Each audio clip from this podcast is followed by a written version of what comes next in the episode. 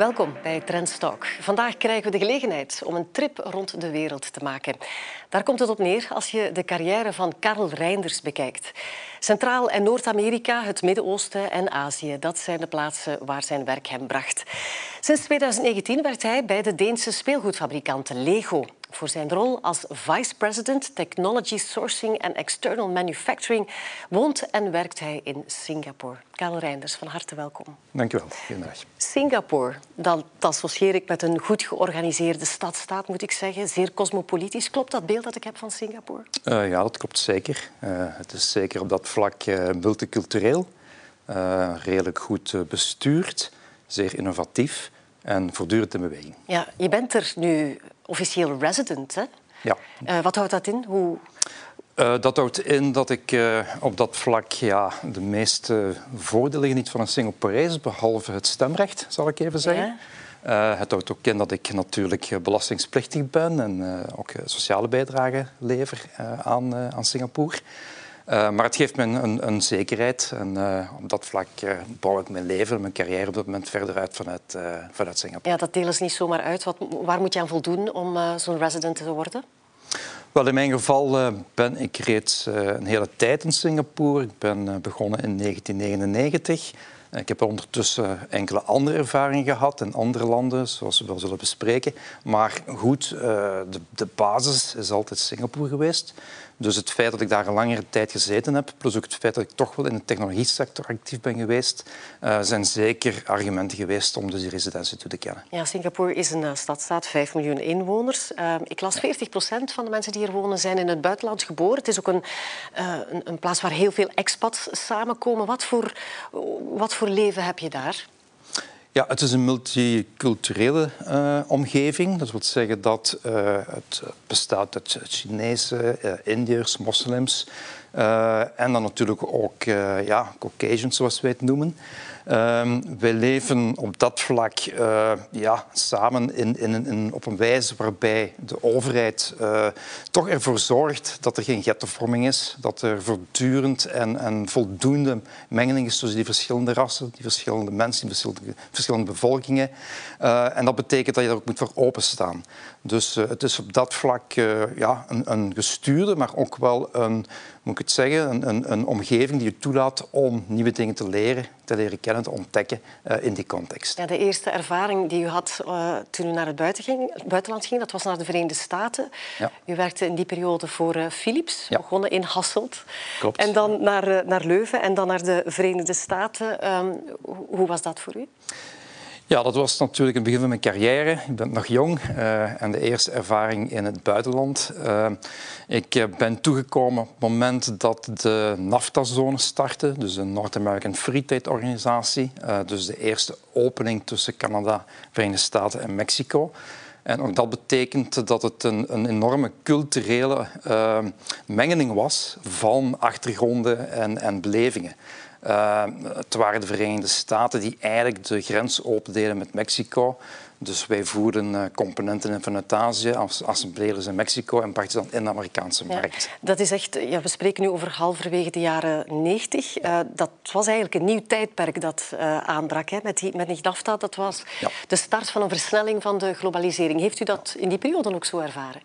zeker, want je had te maken met toch herstructureringen in de Verenigde Staten zelf. je moest die mensen ook meenemen, want ze moesten de opstart mee verzekeren van de activiteiten in Mexico, op de de, de, grensgebieden dus. Men noemt dat de. Maar het zorgde ook voor ontslagen in de Verenigde Staten. Dat zorgde ook voor herstructureringen, zeker.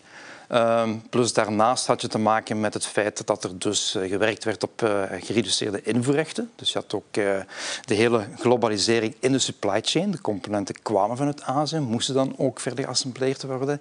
Gingen dan opnieuw naar de grote, ja, de grote discountshops in de Verenigde Staten, de, de Costco's, de Walmarts. Dus ik heb dat zeker rechtstreeks meegemaakt in die periode. Mm -hmm. ja. um, die complexere aanvoerlijnen, dat is iets uh, dat ja, in de jaren 90 en begin jaren 2000 natuurlijk enorm is geëxplodeerd. Bij, bij COVID zijn we daar toch, wat meer bij blijven stilstaan. Ja. Um, want nu even terug naar Lego, waar u momenteel werkt. Is dat ook een, bij jullie een grote invloed geweest om te zeggen we moeten dat helemaal gaan herzien? Uh, we hebben natuurlijk steeds regionale activiteiten gehad. Dus uh, als de Lego groep uh, werken we met zowel interne uh, activiteiten en, en uh, fabrieken, samen met externe activiteiten, waar ik dan zelf verantwoordelijk voor ben. de interne groepen zitten in de drie regio's. Ehm, de supply chain, in mijn geval specifiek, leveren vanuit Azië. Uh, en daar is het zeker dat uh, COVID, en COVID jammer genoeg niet alleen, we hebben ook meerdere uitdagingen, ons vandaag de dag toch wel uh, confronteren met het feit dat we die supply chains opnieuw moeten herbekijken en ook actief aan het werken zijn op alternatieven. Ja, nog even over dat carrièreverloop van u, meneer Reinders. Ehm, u bent nog naar China gegaan, u bent beginnen werken voor, ehm, voor B-kaart. U heeft ook gewerkt in het Midden-Oosten, ehm, in Beirut en Dubai gewoond. Wat doet dat met u um, als, als, als manager in uw job om elke keer naar een andere plaats te gaan, om u in te werken, andere cultuur, andere manier van werken? Ja, je moet ervoor openstaan natuurlijk. Dus je moet ervoor openstaan dat uh, alles niet van een leien dakje loopt. Dat je toch wel bij elke transitie geconfronteerd wordt met een nieuwe omgeving. Ook persoonlijk. Hè. Je moet uh, je eigen woonstel in orde brengen. Je moet je, je, lokale documentatie in orde brengen. Je moet je leefomgeving aanpassen. Maar is dat dan een uitdaging? Heeft u zoiets van, oh ja, iets nieuws en we gaan, we oh gaan ja, zeker. Ah, ja. Dat is zeker een uitdaging. Dat is altijd een uitdaging gebleven. Is nog steeds een uitdaging. Dus uh, absoluut, dat draagt er toe bij.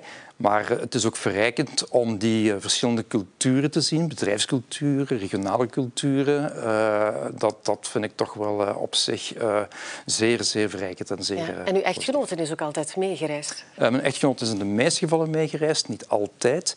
ik heb geen kinderen, dus dat maakt het een beetje meer, dat een beetje meer flexibel zijn. maar zeker naar China toe enzovoort heeft ze me vergezeld. Want ze is een architecte, heeft zij ook kunnen werken dan?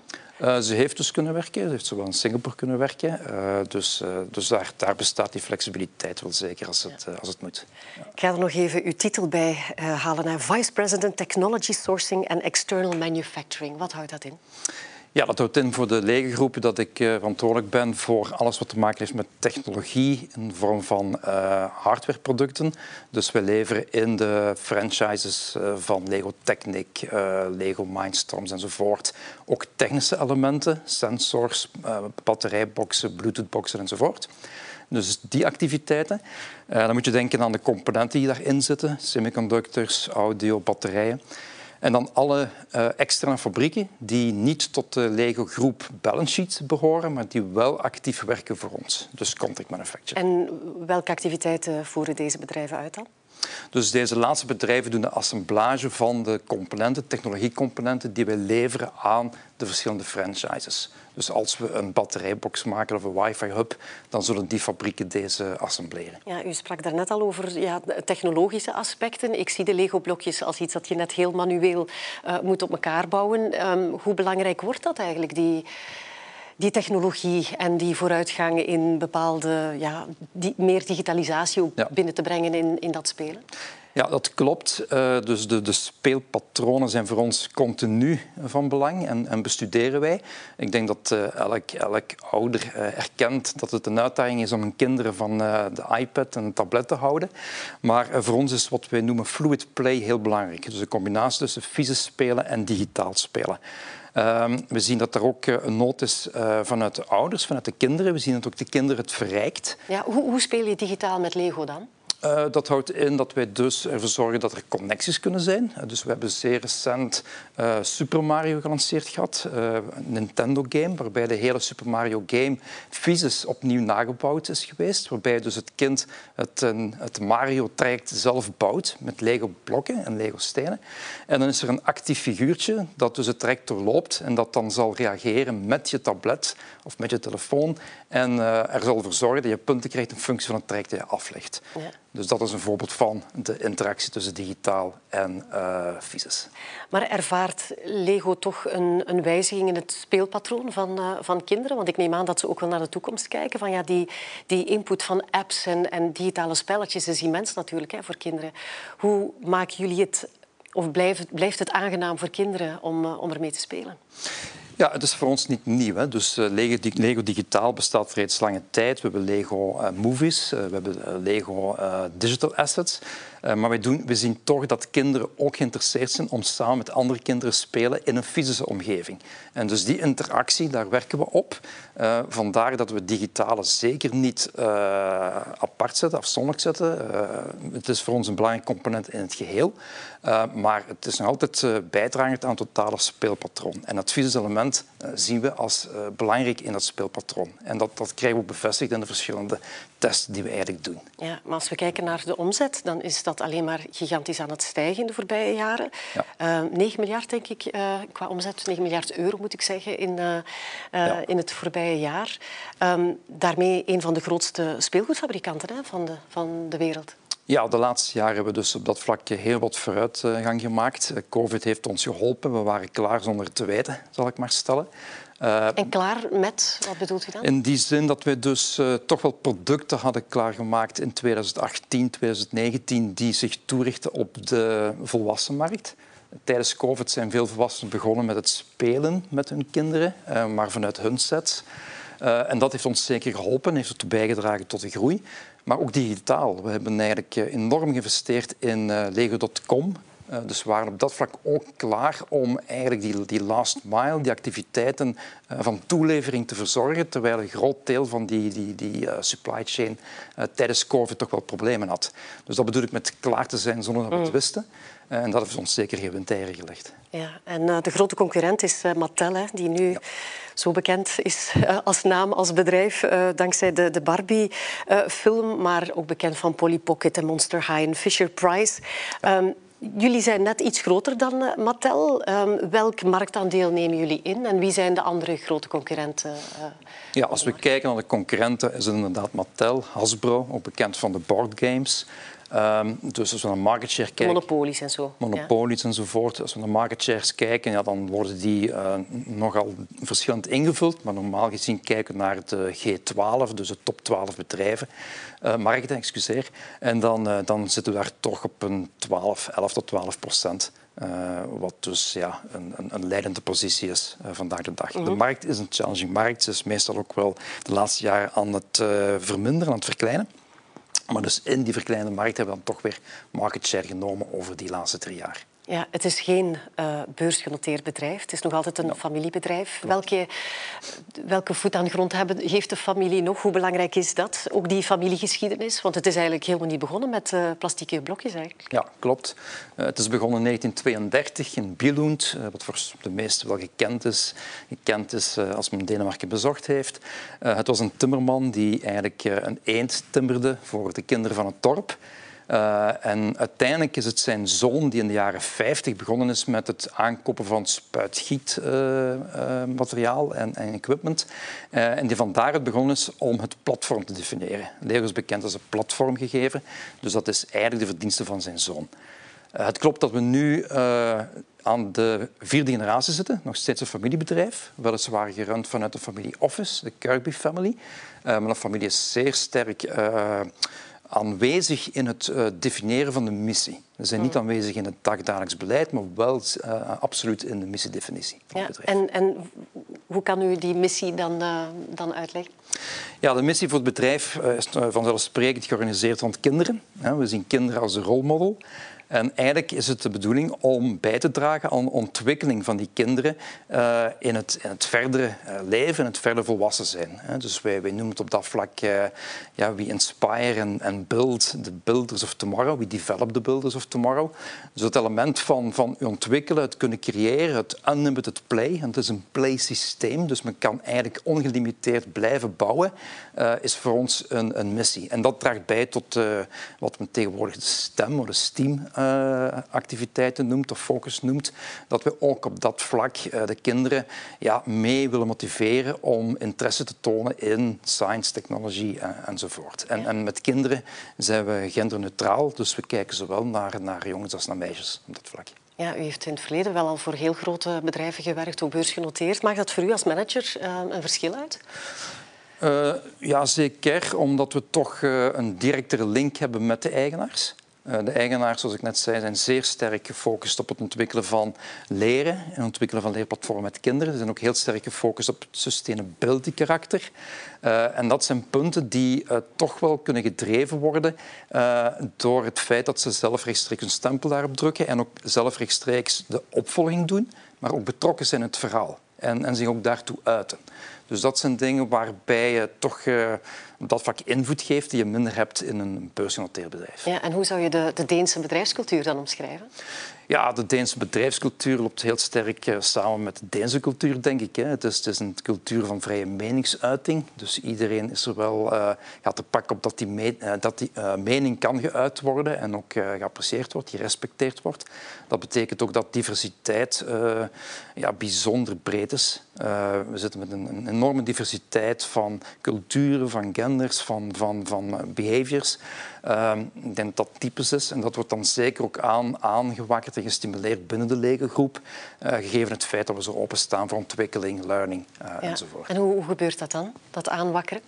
Ja, dus we hebben een eigen uh, DNA, een eigen cultuur. We noemen dat de Lego Playground. De Lego Playground houdt in dat we dus een, een open cultuur hebben tussen collega's, maar ook tussen uw eigen medewerkers. en concreet houdt dat in dat wij op regelmatige uh, tijdstippen samenzitten rond wat we noemen het campfire-idee. Dus we werken effectief met een, een kampvuur, weliswaar in Legoblokjes. Uh, en we zitten dan zoals hier rond de tafel en hebben ons kampvuurmoment, waar we dan door de emoties van de week of de maand gaan uh, en gezamenlijk kijken waar zitten de bezorgdheden, waar zitten de, de, de mogelijke emoties en hoe gaan we hier gezamenlijk in een open en constructieve ja. manier mee om.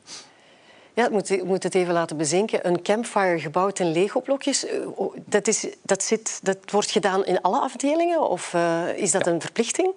Dat... Uh, het wordt gedaan wereldwijd, ja. uh, omdat het dus zo sterk is aan die cultuur. Uh, is het een verplichting? Het is een DNA die toch wel zorgvuldig ja, opgevolgd wordt. Het is een element van, van het selectieproces. Het is een element van de ontwikkeling van het leadership. Uh, dus op dat vlak uh, is het toch wel iets dat, dat zeer hoog in de vaandel gedragen wordt van, van de meeste leaders en van onze, ons C-level. En u participeert ook in zulke campfires? Uh, zeker, ja. zelf ons, onze C-levels. Hoe was die eerste ervaring voor u? De eerste ervaring is natuurlijk een beetje vreemd, hè, want je komt uit, uit andere bedrijven, andere culturen, heel dikwijls performancegerichte culturen. Wat niet wil zeggen dat we geen performancecultuur hebben op zich, maar het is, het is gebaseerd in een bredere context. Uh, en dan maakt, dat maakt, maakt, dat je daar toch wel even door moet. Je moet dat toch kunnen, kunnen plaatsen voor je effectief en actief daarin je weg vindt. Maar ja, het is, het is zeker iets dat uh, vandaag de dag uh, toch wel resultaten levert. Ja, en ja. welke zaken worden dan het meest besproken? Uh, wat er natuurlijk de laatste jaren heel sterk naar boven komt, is het, uh, het, het goed voelen. Uh, we zijn door een situatie gegaan die voor iedereen toch wel bijzonder is geweest, waarbij er heel veel isolement is geweest. Uh, dus dat wordt heel sterk uh, benadrukt. Zeker nu met uh, ja, ook het verschil tussen thuiswerken, het, het werken van, van op je bureau. Hoe blijven toch met elkaar in contact? Hoe zorgen ervoor dat het isolement verbroken wordt en, en, dat eraan kan geholpen worden indien nodig? En dat zijn nu toch wel de onderwerpen van vandaag de dag. Wat ook bijzonder is, dat ook even te melden, we hebben ook play-patronen. Dus elke meeting moeten wij vijf tot tien minuten spelen. Dat is zeer belangrijk, tot op het C-level niveau. Dus wij leggen de meeting twee, ja, twee keer per meeting stil voor vijf à tien minuten. En elke, elke sessie is iemand verantwoordelijk om het spel uit te, ja. uit te denken en dan spelen we dat even. En we hebben ook een playdag, dus eenmaal per, per jaar, één dag per jaar, uh, worden alle activiteiten stilgelegd ook uh, de fabrieken. En uh, gaat iedereen spelen, ja. een volledige dag. Ja, de meeste bedrijven zijn zo performancegericht. Ziet u ook dat deze aanpak vruchten afwerpt? Uh, ik denk het wel. Uh, natuurlijk, uh, het bewijs zit in de resultaten. Dus op dat vlak denk ik dat dat zeker zo gegeven is over de laatste jaren. maar je ziet toch wel dat in de cultuur die openheid er is om uh, met elkaar toch om te gaan op een bezorgende manier. Uh, je ziet ook het speelse karakter naar boven komen en dat is iets wat we niet mogen vergeten. Onze klanten zijn de kinderen. Dus en daardoor blijf je dat toch wel telkens centraal stellen. Mm. Uh, waar is de voornaamste afzetmarkt voor de Lego-groep? Ja, het is een globaal bedrijf met globale afzet, afzetmarkten. Uh, het is wel zo dat de Verenigde Staten toch nog nominaal gezien de grootste markt blijft voor ons. zeer nauw gevolgd door West-Europa. Uh, maar we zien ook de laatste jaren toch wel een enorme groei in, uh, in China en in Azië. Ja, maar de producten worden ook aangepast waar dat ze verkocht worden. Uh, de, de, producten op zich zijn globaal. Dus de steentjes zijn zeker globaal. als we kijken naar de franchises, zijn die ook wel globaal. Star Wars is een voorbeeld daarvan. Maar we maken soms wel specifieke producten voor specifieke markten.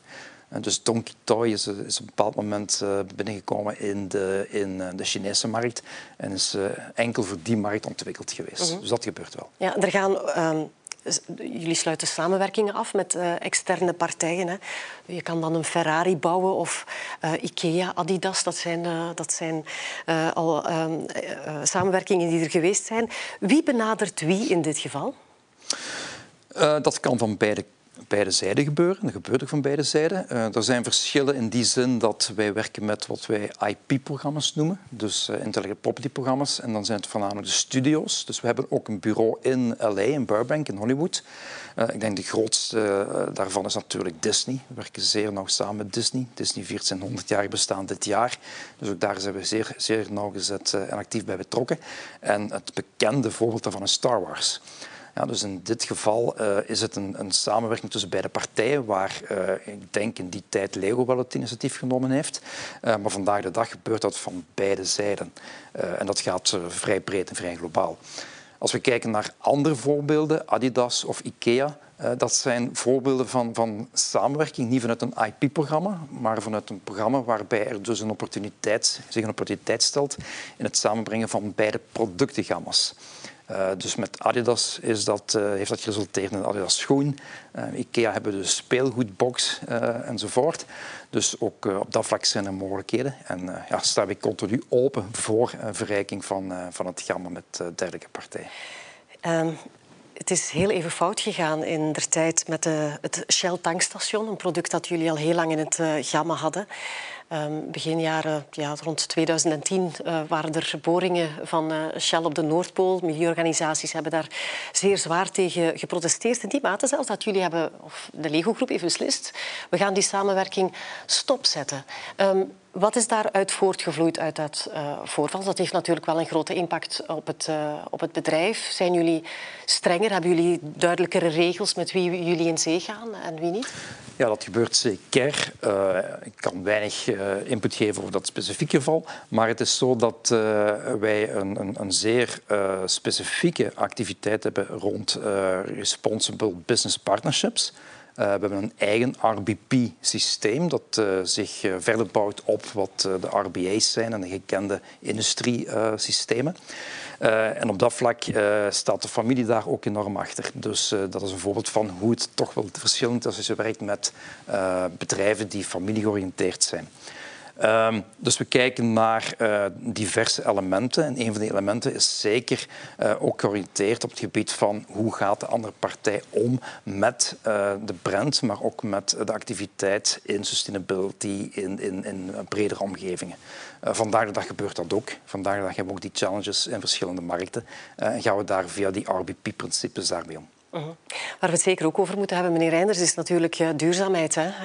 elk bedrijf ligt er min of meer van wakker. Hè. Ja. We moeten uh, naar die eh, CO2-neutraliteit gaan tegen 2050. Lego wil zelfs tegen 2030 het productieproces ehm, CO2-neutraal maken. Ik, ik, het zoekt al jaren naar substituten. Hè, want de, de, blokjes nu worden voornamelijk gebouwd op basis van petroleum en een derivaat daarvan ABS.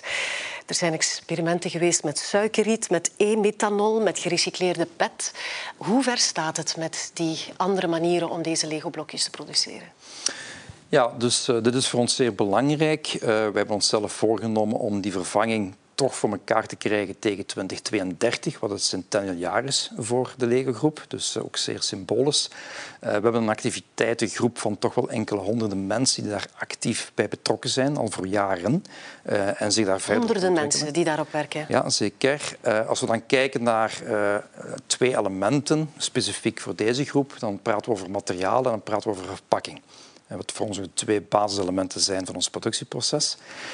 Dus materiaal gezien werken we aan alternatieven, werken we aan pilots. Je hebt er een paar vernoemd. Ze zijn ook vorig jaar in de pers verschenen. we werken ook zeer actief op wat we noemen mass balanced approach, materiaal approach, waarbij, dus, waarbij we dus de supplier vragen om in de source, in de corals, in de resins zelf meer en meer gerecycleerd materiaal in te brengen. Dus we krijgen een verhoogde ratio van gerecycleerd materiaal in het materiaal dat wij aankopen.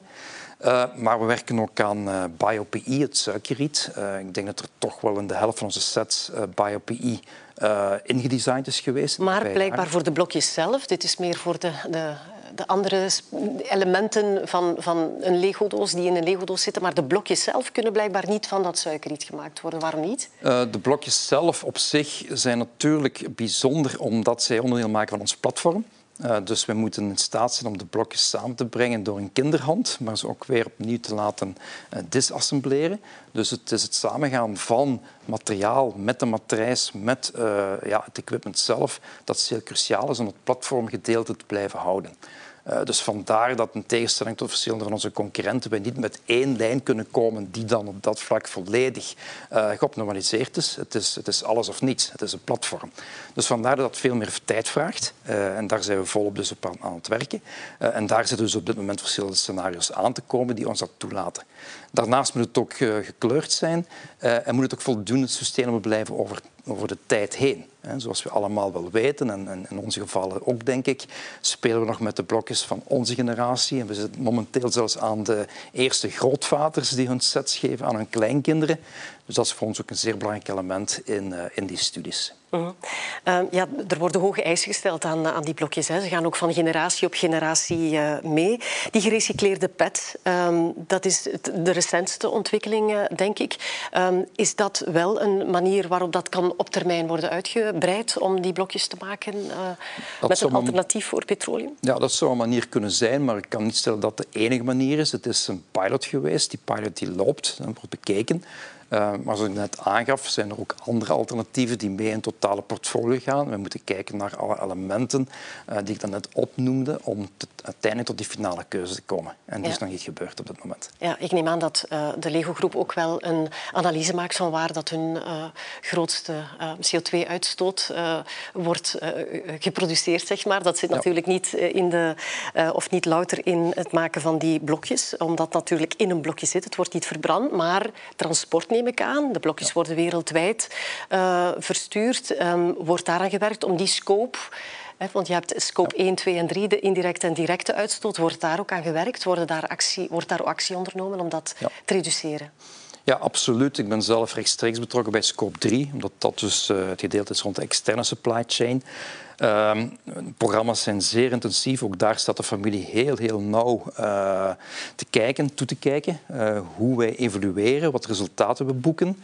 Ehm, dus dat helpt ook natuurlijk. Het is voor ons bijna een, een license to supply. Eh, en dat wordt ook expliciet naar voren gebracht. Dus dan gaat het over dat de, de toeleveranciers ook hun productieproces moeten ja. duurzaam maken. Klopt. Dus zij moeten scope 3 volgen, wat een, een CDP-scope is. Een, een, een, ja, een, een nationale, internationale norm, excuseer.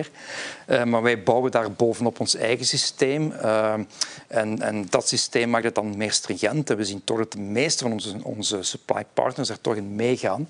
Uh, zelfs met een eigen motivatie. Dus dat helpt, absoluut. Om terug te komen op het transportgedeelte. Transport is voor ons een, een belangrijk element. we hebben ook een carbon dioxide tax ingevoerd. Uh, die loopt dit jaar nog als een schaduwcalculatie, maar vanaf volgend jaar, we zitten nu in de budgetronde voor 2024, wordt die expliciet meegenomen in de studies. En dat geeft dan toch wel een heel ander facet uh, aan de hele discussie rond de supply chain, maar dan wordt het hard gemaakt op dat mhm. moment. We moeten bijna afronden, maar tot slot, omdat het natuurlijk de periode is dat er de grote hype is rond uh, de Barbie-film van, uh, van Mattel, de grote concurrent van, van Lego. Jullie hebben natuurlijk de games en de animatiefilms al uitgebracht. Het is niet hetzelfde als de Barbie-film met, met de echte acteurs ja. die, we, die we kennen. Uh, hoe wordt er naar gekeken? Hoe wordt gereageerd binnen de Lego-groep? Ja, het is vakantieperiode, dus op dat vlak heb ik dit moment nog niet de kans gehad om met veel collega's te praten. maar het zal zeker naar voren komen. We kijken het zeker. Het ziet er erg roos uit op dit moment rondom ons, dus je kan er niet omheen.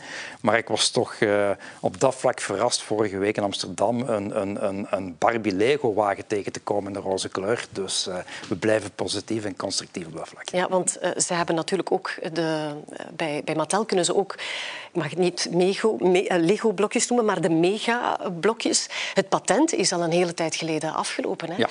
Wat was de impact daarvan op het, op het bedrijf? Op zich niet zo... Iedereen niet... mag nu eigenlijk ja. de Lego-blokjes Iedereen kan Lego-blokjes maken, maar we zien ook dat de kracht zit in de playpatronen en in die franchises.